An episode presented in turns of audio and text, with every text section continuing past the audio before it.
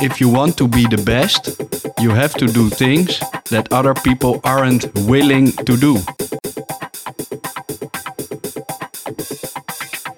Een liefhebber. En een topsporter. In deze podcast bespreken wij de lessen van onze gedeelde passie sport. En hoe we deze lessen kunnen toepassen op het dagelijks leven. Ik ben Sevi van As Ik ben Tommy Steens. en je luistert naar de Sportfilosoof.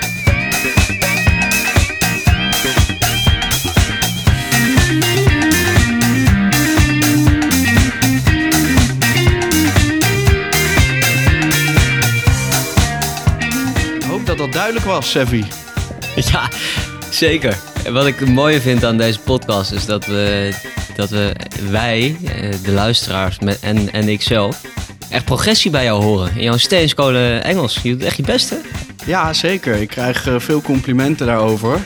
Ja. Mensen die ze allemaal geluisterd hebben, hoe, eh, hoeveel voortgang, vooruitgang ik boek. Ja. Dat is fijn om te horen. Ja, dus dat is sowieso al winst. Ik, Zeker. Hey, ik wil wel eh, eigenlijk een voorstel doen. Oh, Eh, we hebben natuurlijk onze mooie intro die iedereen eh, zojuist gehoord heeft.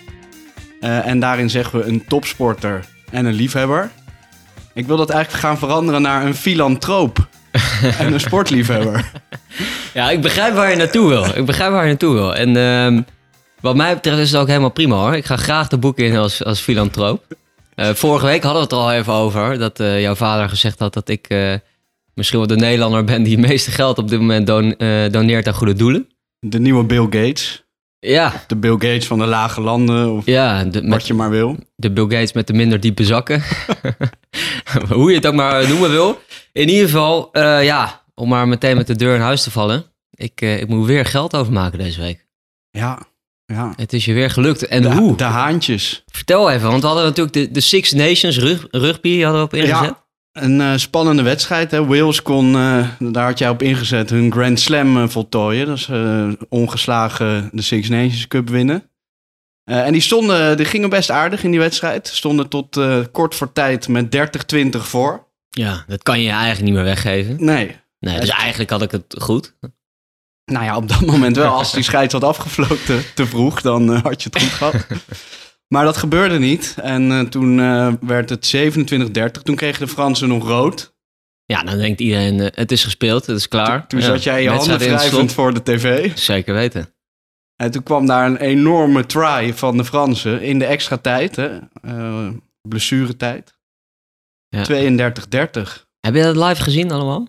Ja, natuurlijk. Ja, mooi. Ja. En hoe, hoe zat jij op je stoel? Want uiteindelijk winnen dus Ik- de Fransen ik Kon je niet meer, ik stond op een Ja. gegeven moment.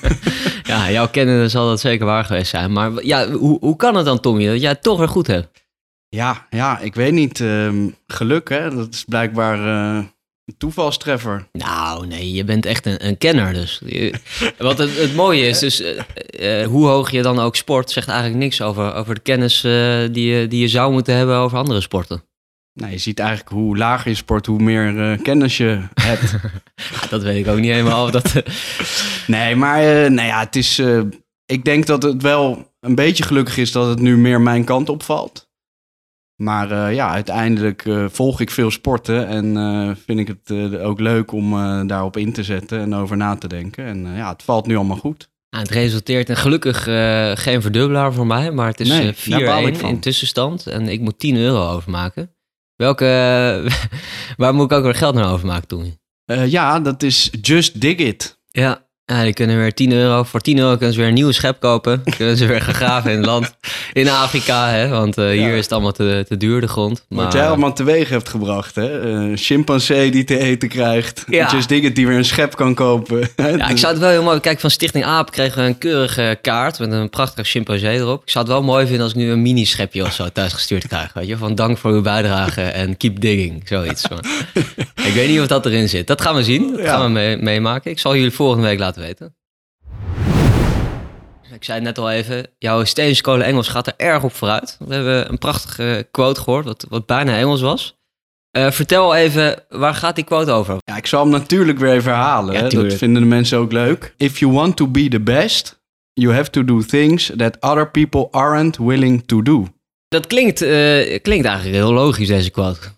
Ja, kijk, uiteindelijk eh, zijn ze allemaal logisch. Maar het gaat erom eh, de sporter die daarachter schuil gaat. En Ja. eh, de uiteindelijke lessen die wij daaruit trekken. Ja, zeker. En zal ik maar onthullen wie, eh, wie dit gezegd heeft? Ja, zeker. Ik ben erg benieuwd.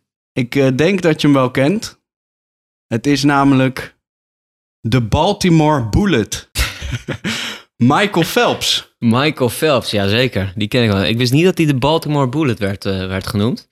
Maar Michael Phelps, ja, eh, weet ik het hoeveel gouden plakken. eh, een zwemmer is dat uiteraard, Amerikaanse zwemmer. Ja, Heel interessant persoon overigens ook.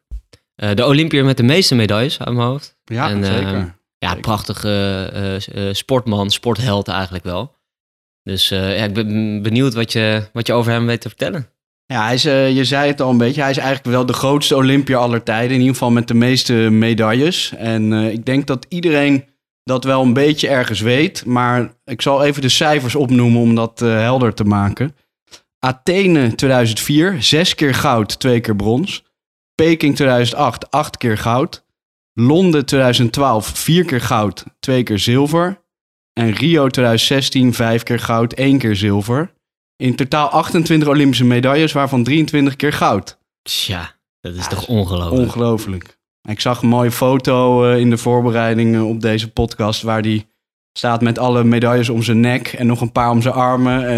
Ja, hij, kan het bijna niet meer kwijt. Dus ongelooflijk. Ja, dat is echt ongelooflijk. En dan vraag je echt af van, hoe komt dat dan? Want eh, volgens mij is de, de concurrentie bij het zwemmen is best wel moordend. Iedereen doet mega zijn best. Ik weet dat de technologieën die ze daar gebruiken, met onderwatercamera's en noem maar op, en datagedreven eh trainingen, weet je wel, iedereen zit er bovenop.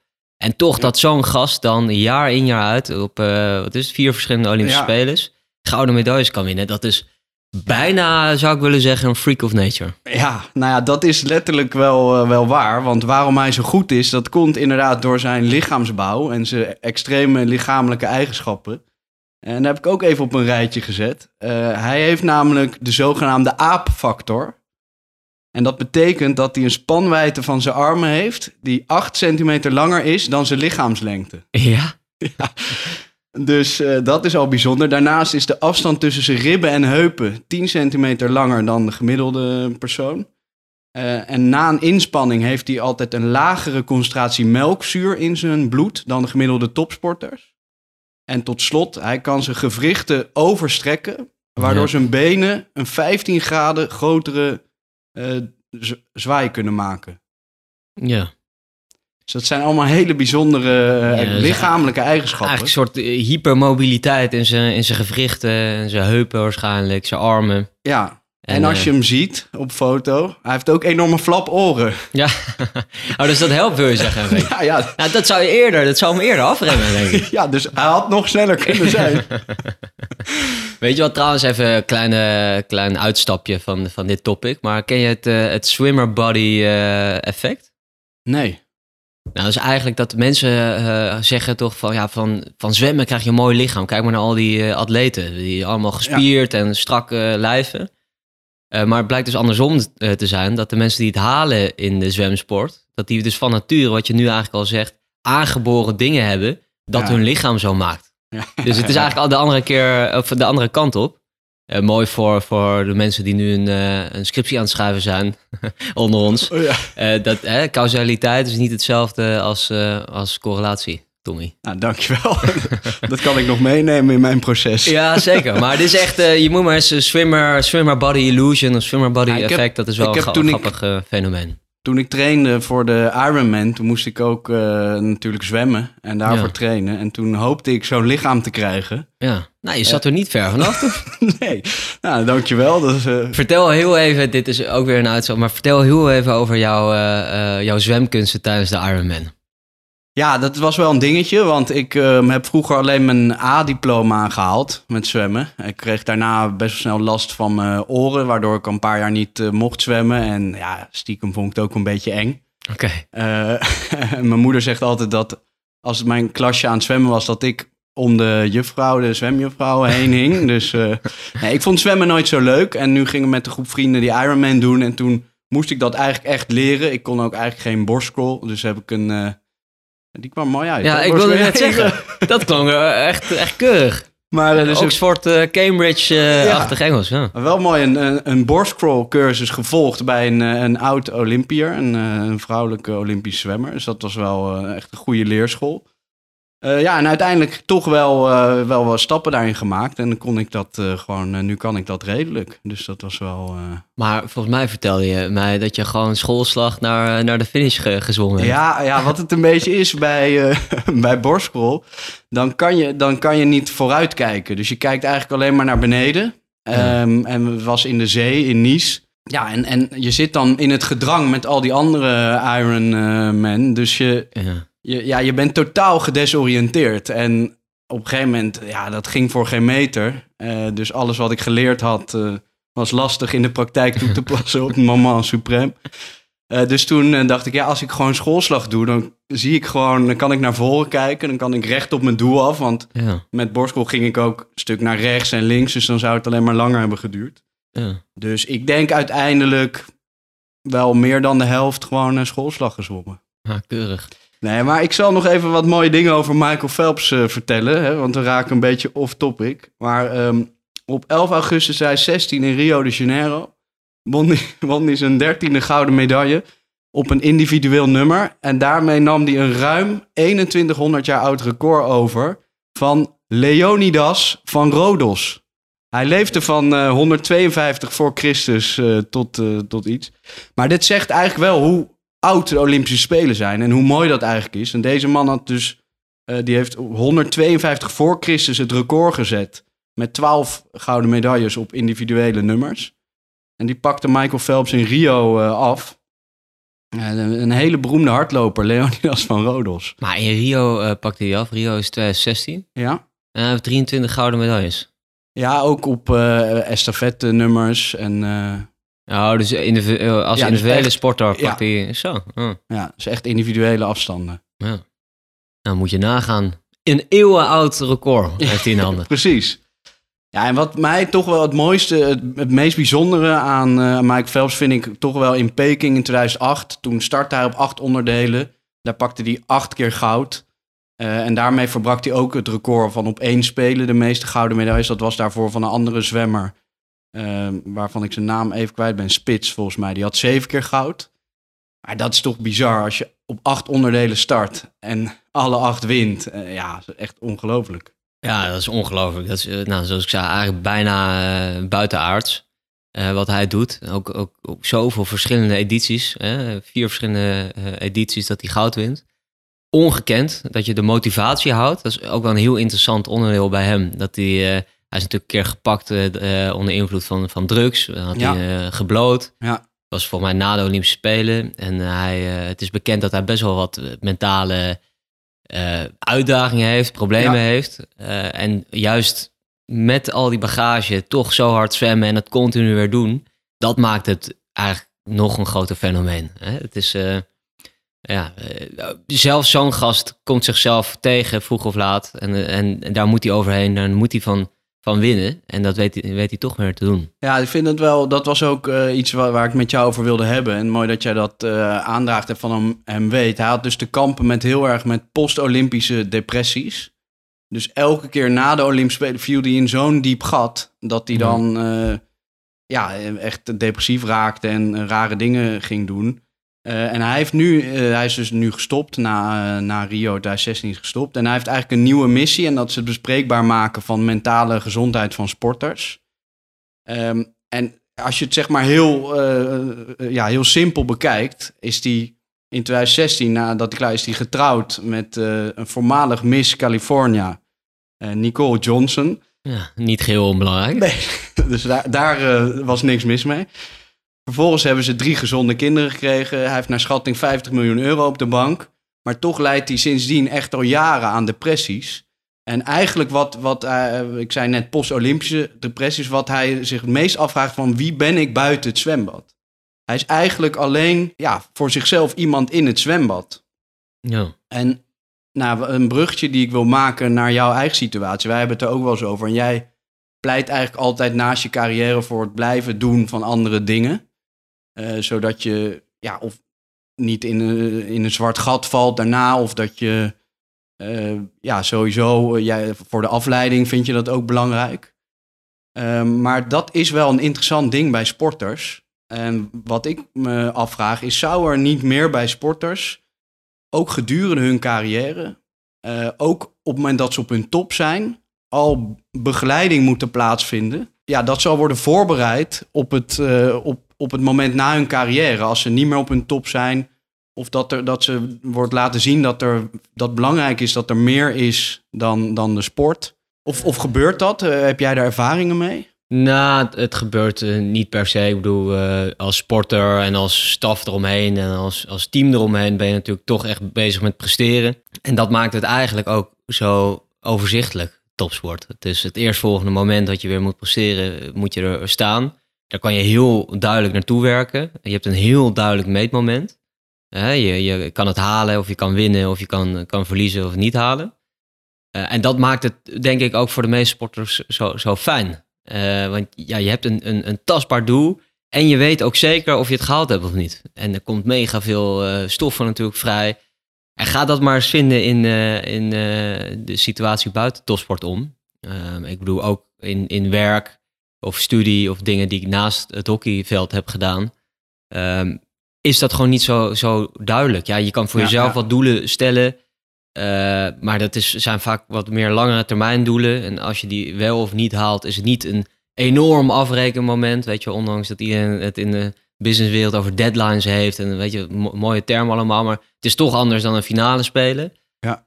Ehm, dus ik denk met name wat erg belangrijk is voor, voor sporters, is snappen eh, eigenlijk ook wat je drijfveren zijn.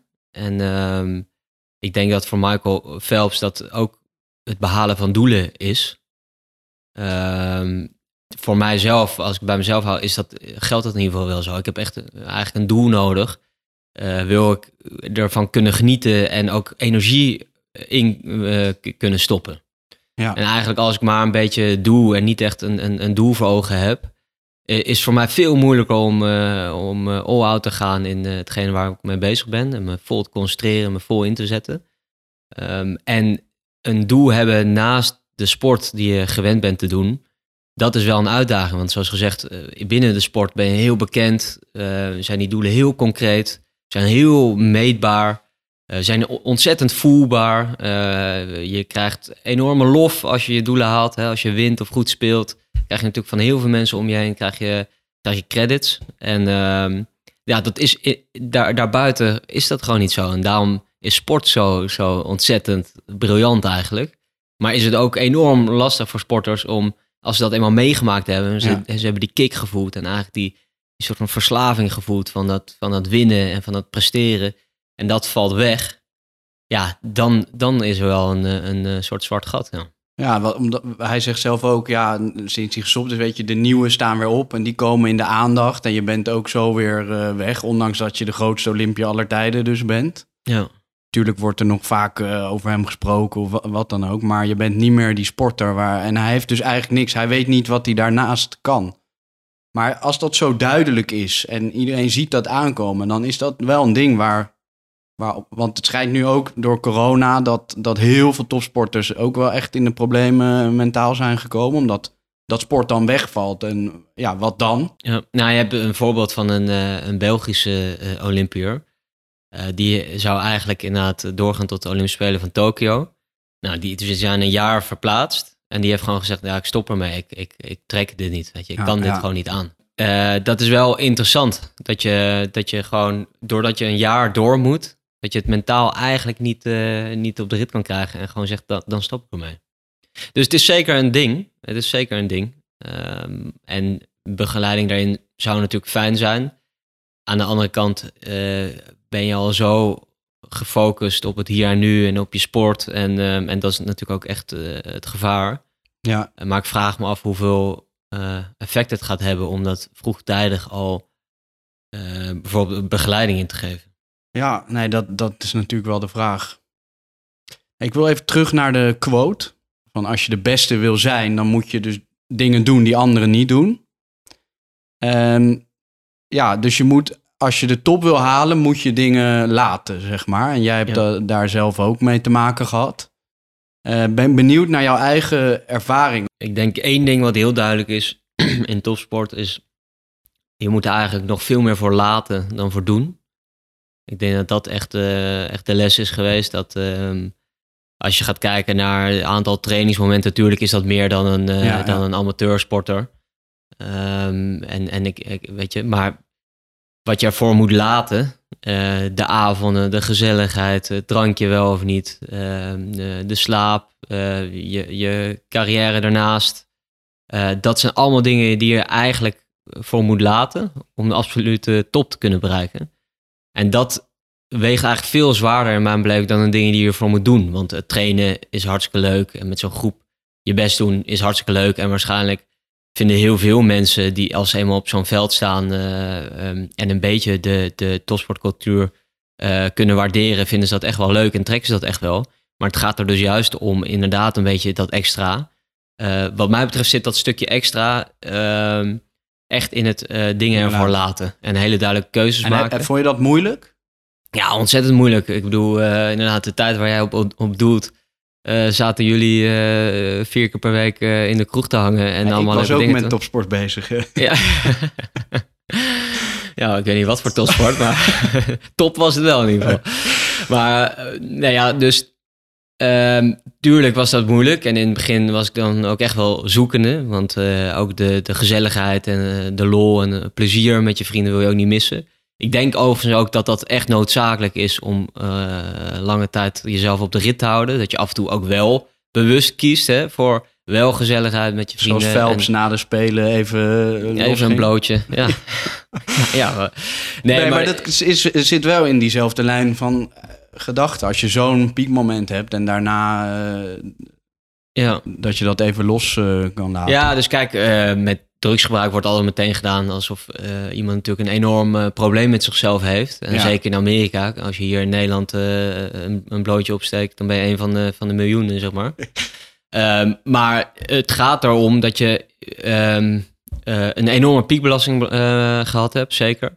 En dat je ook moet kunnen ontladen. Ja. En dat is soms ook, dus niet alleen na de Olympische Spelen, maar ook na een Tijdens. belangrijke wedstrijd. Of, of, uh, of in het seizoen als je voelt van ja, ik ben eigenlijk een beetje te verkrampt met mijn sport bezig. En je voelt eigenlijk dat hoeveel meer je ook erin stopt, er komt niet meer uit. En het gaat eigenlijk alleen maar een beetje bergafwaarts.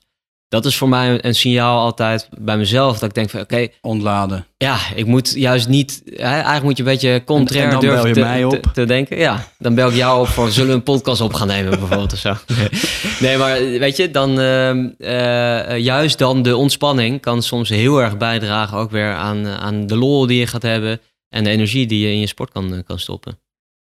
Maar jij bent de beste in jouw sport. Zo, Toch? dankjewel. Nou, Nee, ja, dat, uh... een van de beste. Ah, goed, dat, dat, dat is een mening. Maar meer, uh, wat heb jij dan gedaan wat anderen niet hebben gedaan? Ja, goede vraag. Ik heb uh, eigenlijk altijd wel wat extra werk gedaan naast de trainingen. Dus in de vorm van extra loopwerk of core stability oefeningen. dingen die heel erg wel bij mijn spel passen, heb ik altijd geprobeerd te doen. Ehm, de laatste tijd verzorg ik mijn lichaam uh, heel goed. Eigenlijk beter dan ooit. Omdat ik ook meer last heb dan ooit door, door twee operaties. Maar um, ja, daar zit ik wel echt bovenop. Dus ik doe er alles aan om, om fit te blijven, is nu uh, met name de uitdaging. En uh, ik denk het grootste verschil wordt denk ik gemaakt. En in, in het Nederlands team zit je al zo in het puntje van, uh, van de top dat het daar minder opvalt. Maar als ik ga terugdenken aan mijn training in de jeugd en uh, zeg maar op jonge leeftijd was gewoon de wil om beter te worden en te winnen. Ja. En uh, ik deed eigenlijk altijd van nature gewoon heel erg mijn best. Uh, ik heb eigenlijk mijn weekenden lang ges, gesleten op de hockeyvelden. Gewoon omdat ik het leuk vond met een stick, dan met een voetbal. Eigenlijk van alles gedaan. En ook als spelenderwijs, gewoon omdat ik het zo mooi vond, telkens zeg maar, een techniek toegevoegd aan mijn, aan mijn arsenaal. En um, ik denk dat dat uiteindelijk het verschil heeft gemaakt. En ik denk ook, um, is het natuurlijk, ik bedoel, mijn broer die heeft bijvoorbeeld astma. Ja, om dan de top te halen is al, al veel moeilijker. Hij heeft het hoogste niveau gehaald, uh, zeg maar, qua competitie. Ja. Dus dat is wel super knap van hem. En, uh, maar weet je, dat is dan en in al... Rusland heeft hij nog furoren gemaakt. In Rusland heeft hij furoren gemaakt in de hoogste divisie. Daar heeft hij zich nog nooit zo sterk gevoeld. Kreeg hij een paar pillen van tevoren en dan ging hij als een brandweer. Weg astma was dat. Maar, nee, maar dus om aan te Nee, ja, geven dat precies. er Ook zijn ook genetische Ja. factoren. Hè. Van nature ben ik vrij eh, fit en snel. Ja, dat, dat had ik al op jonge leeftijd, zou ik maar zeggen. Dus niet alles is maakbaar. Dat moet ik ook zeggen. Eh, dus ik heb ook gewoon eh, mazzel gehad op bepaalde aspecten. En voor de rest, nou, de dingen die ik aangaf, die hebben zeker wel bijgedragen. Ja. Het niet te missen voorzetje. Een scoopje op maat. Ik geef hem deze week aan jou, Een Tommy. scoopje. Ja, een scoopje. We gaan een keer een hockeyterm Maar uitdrukken. dat kan je helemaal niet. Ja, ga je hem binnen tippen of niet? Ja, natuurlijk. Ja? Ja. ja? Vorige week had ik natuurlijk Why We Sleep, een boek over, over slaap. Nee, klopt. Ja. Eh, en deze week heb jij wat voor ons, als het goed is. Ja, ja ik, ik heb even een- een keer totaal wat anders. Eh, jij, je brengt steeds geweldige boeken, draag je aan. Ik ben zelf alleen nog bezig in het boek van aflevering 1. Ja, ah, sorry, daar moet ik ook rekening mee houden. Ja, Ja. dat, eh, ja. De eerlijkheid gebied te zeggen, we zijn niet allemaal topsporters. Eh, er moet even, om, voordat de mensen Why We Sleep uit hebben, moet even wat luchtigs tussendoor. Dus ik heb een, een must-watch. Nou, dat is ook een keer leuk. Ja, dat is heel leuk. Ja. En eh, het is een film. Het gaat ook eh, over sport, dus eh, het past, past bij onze, onze Michael strategie. nee, Oh, nee, dat helaas niet. had Nee, ook goed gekund Had bij deze aflevering. had gekund. Nee, het, het is de film I, Tonya.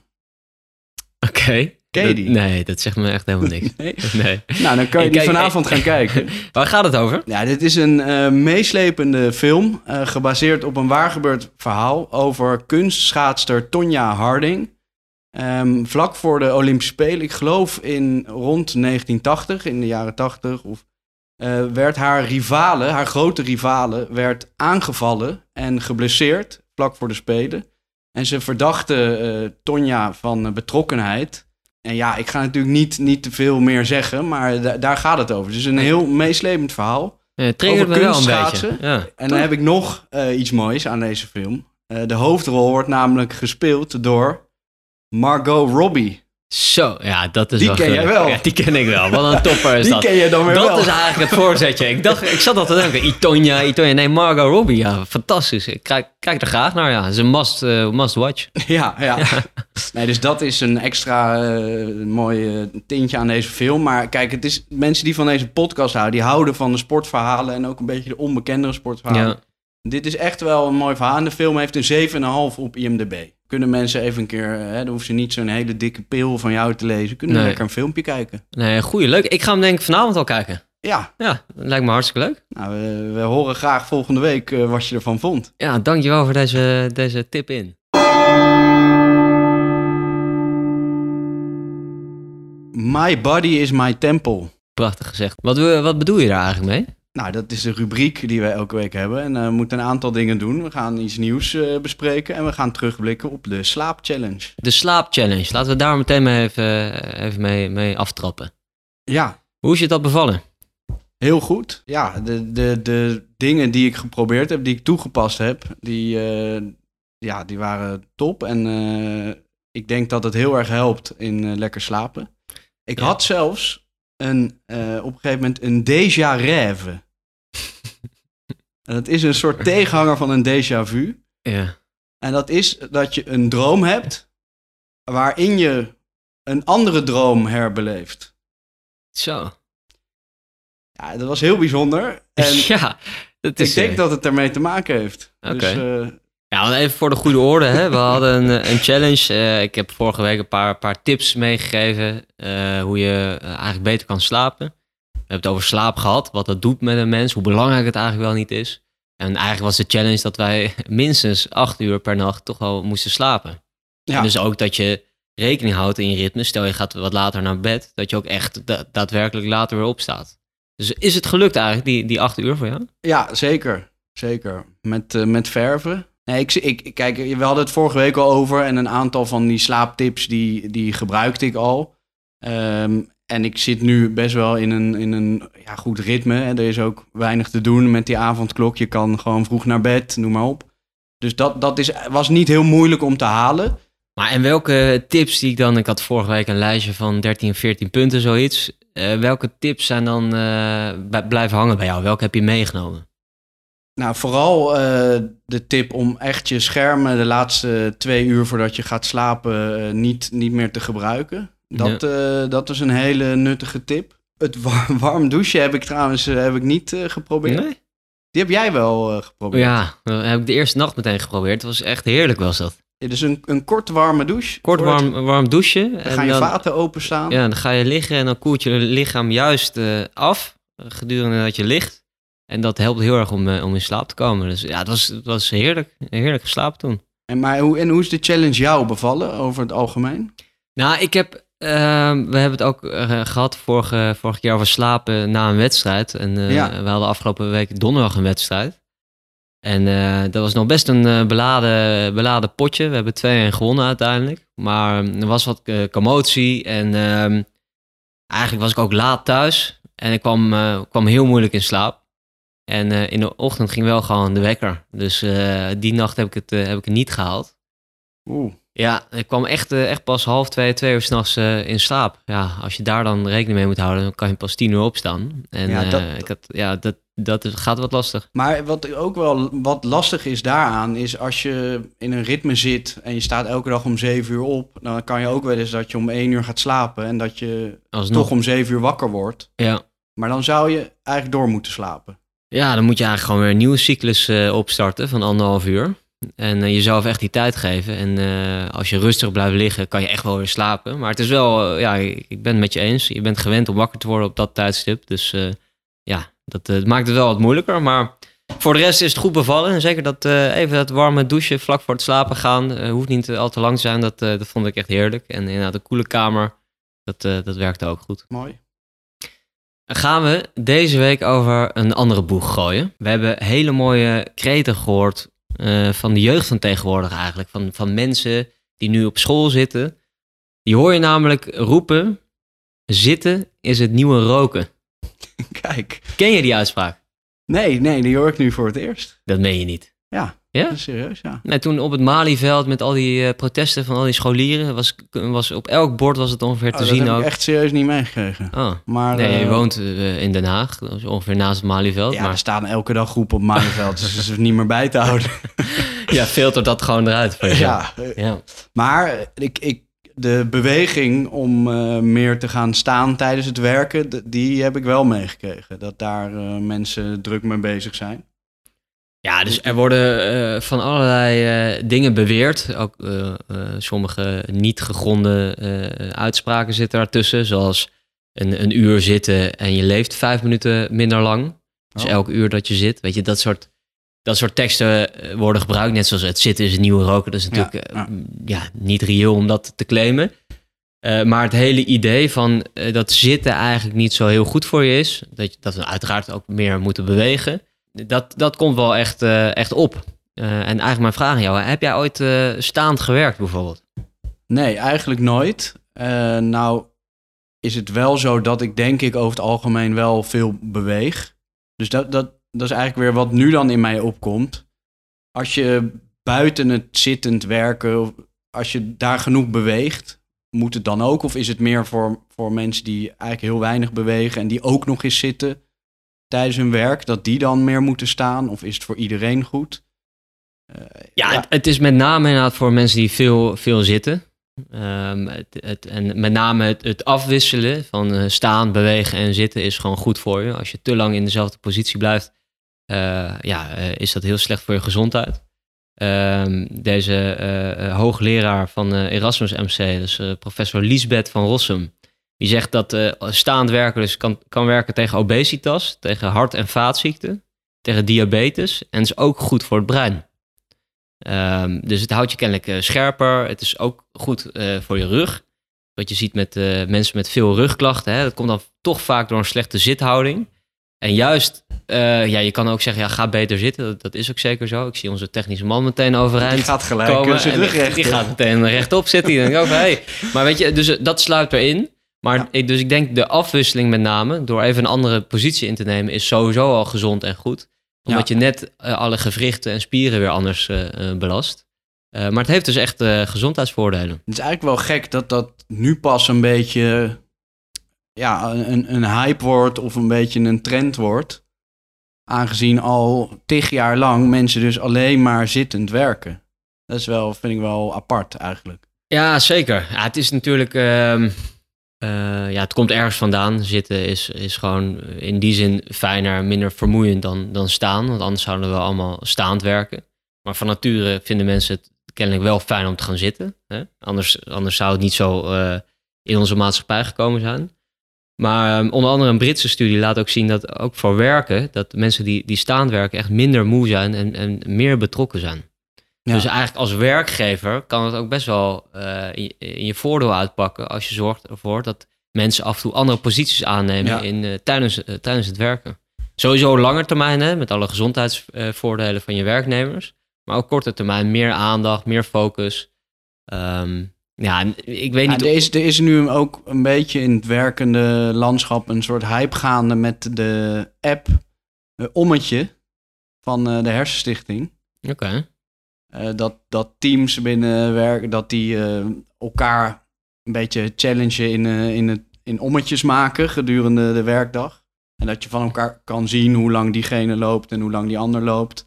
Ja. En zo wordt dat een soort wedstrijdje waardoor mensen in beweging komen. Ja, nou dat is een hartstikke goed initiatief. Je hebt ook initiatief natuurlijk van lopende meetings. Dus eigenlijk een meeting in de vorm van een wandeling of inderdaad even de deur uit.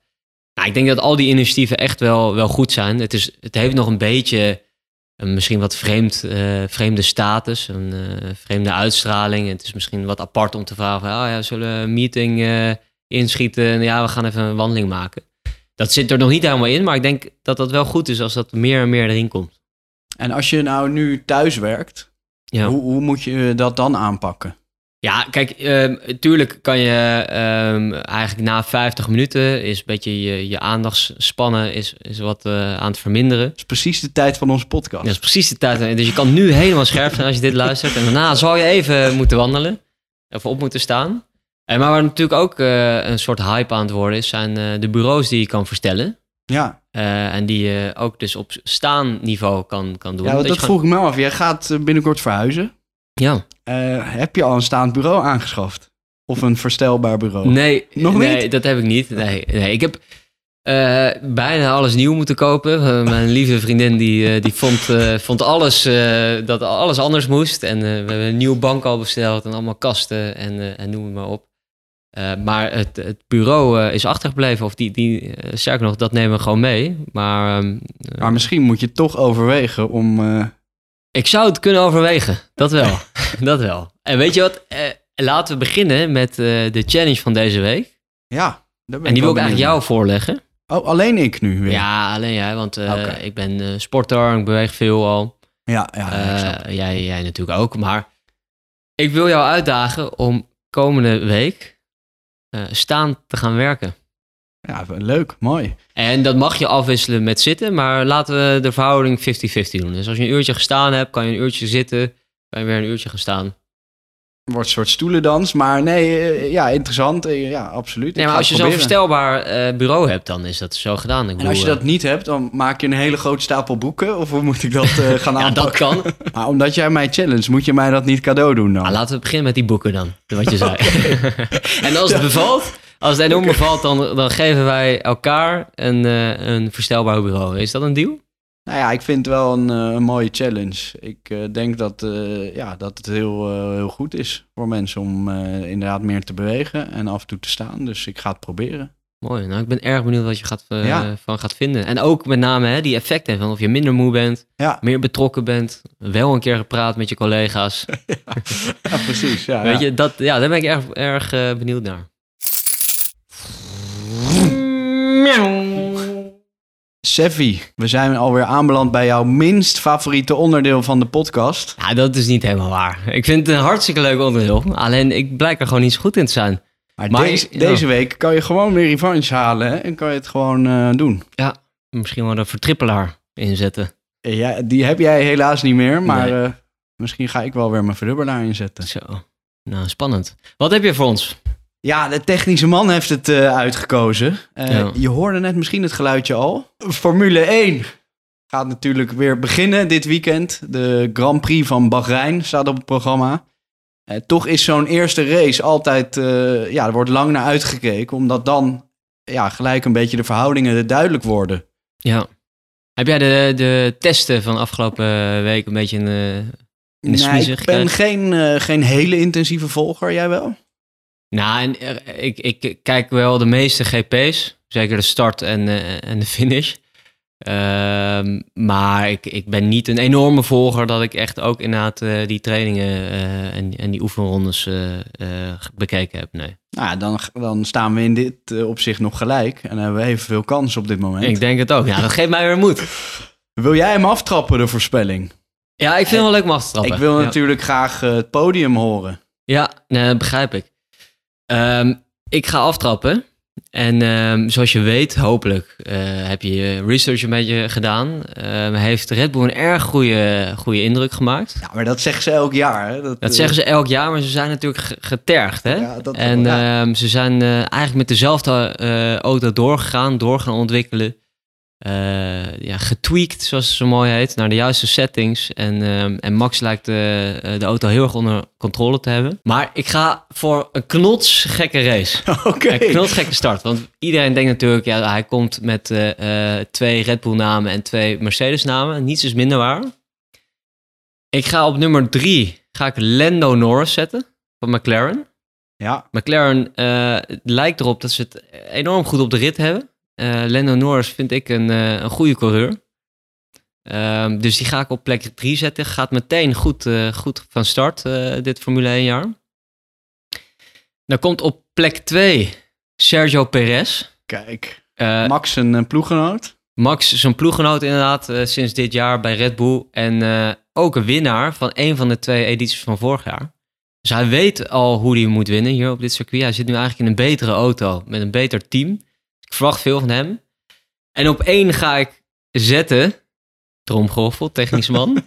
spannend, spannend. Max Verstappen! Ja. ja tuurlijk. Jezus, dus de Mercedes'en die eh, vallen buiten ja, het podium. Nee, ik denk dat Bottas eh, Hamilton aantikt. Dat Hamilton helemaal over de zeik is. En dat Hamilton het hele jaar achter de feiten aan gaat lopen. Dat zou wel feest Maar dat zijn. is even eh. een voorspelling eh, buiten deze race om. Maar ehm, ja, ik dacht, om jou te verslaan moet ik met iets raars gaan komen. Want elke keer als ik denk van dit is het, dan eh zeker, zeker naast. En jij Ja. doet de meest rare voorspellingen, hè? Je hebt het goed. Nou, ik vind het mooi dat ik dus al wat dat betreft in jouw hoofd Ja, zit. hij zit hè. wel een beetje in mijn hoofd. Ja, ja dat, dat merk je wel. En eh, ja, dan ga ik toch voor een wat zekerder call. Oh jee. oh jee. Dus het kan Hij dan... gaat niet mee in deze gekte. nee, het kan dan alle kanten op gaan. Maar ik, ik ga het wel spannend maken. Eh, ik denk eh, ook een verrassing op eh, plek drie. Ik denk namelijk dat Sebastian Vettel zijn Aston Martin naar het podium gaat sturen. Ah, nee toch? Ja, Denk je dat echt? Ja. Of vind, vind je gewoon Aston Martin een vet merk? Want dat vind dat ik ook. dat Ja, ook. En ik vind Vettel wel, wel mooi. Dus ik, ja, ik Ja, denk dat die, die gaat verrassen met een podiumplekje. Oké, ja, dan zet ik op twee toch echt helaas Max Verstappen. oké. Die gaat het helaas eh, niet redden, maar een tweede plek om te beginnen is keurig. Eh, en op één, natuurlijk eh Mercedes-man, Valtteri Bottas. Ja, Bottas. dus ook geen Hamilton. Nee, nee. Nee? Hamilton, dat gaat, daar gaat iets mee gebeuren. Daar ben ik met je eens. Maar eh, ja, Bottas stuurt hem heel eh stoïcijns Nee. naar de eerste plek. Bottas gaat het echt niet doen, Tommy. Maar ja, ga je je verdubbelaar inzetten? Ja, Durf je Ja, Bottas je verdubbelaar ja zeker. Ja, zeker. Ja, Nou, dan op moet je Bottas en Vettel eigenlijk ook een beetje Ja. natuurlijk. Max hebben we dus gemeen. Dan kan alleen de plek eh, afwijken. Ja, dus Perez. ja, inderdaad. De juiste plek is ook wel waard, hè? Ja, ja. Maar eh, misschien lekker om even eh, goed in de sferen te komen voor, voor dit Formule 1 seizoen. Heb jij eh, Drive to Survive gezien op Netflix? Nee, maar dat schijnt wel een, hit te zijn. Ja, zeker. Staat ook Jij erg hoog. ik heb hem ook nog niet gezien, maar hij staat erg hoog in, in alle lijstjes. En het is wel voor mij lekker om even in het seizoen te komen. Even Misschien dat- dat een voorzetje, maar... Nou ja, we geven een extra, een extra, extra? voorzetje. Ja, tuurlijk. Jezus, wat, de een luxe, moeten- wat een luxe vandaag. We moeten de mensen ook blijven verrassen in zo'n podcast. Maar wat een, heel kort, waar gaat het over? Drive to Survive. Ja, Ja, racen. Heel kort. oké. Ja, we moeten ergens voor spelen, Tommy. Zoals elke week natuurlijk. Elke week een goed doel. Eh, ik hoorde jou net iets zeggen over dat ommetje. Ja, het ommetje, een, een hype hè, en, eh, van de Hersenstichting. Ja. Dat is eh, een prachtig doel. Eh, Ja, die wat, doen ze precies? ja, ze streven voor gezonde hersenen. eh, om daarmee eh, zoveel mogelijk levens te redden en te herstellen. En het is eigenlijk zo dat één op de vier mensen met een hersenaandoening, daar is genezing niet mogelijk. Dus zij investeren inderdaad geld in onderzoek en allerlei andere trajecten om ja, dat getal eigenlijk te, te verlagen. Nou, dan zit het er alweer op. Bedankt voor het luisteren ook weer, iedereen. Ja, zeker. En eh, ja, jij hebt hard gewerkt aan de website de afgelopen eh, weken.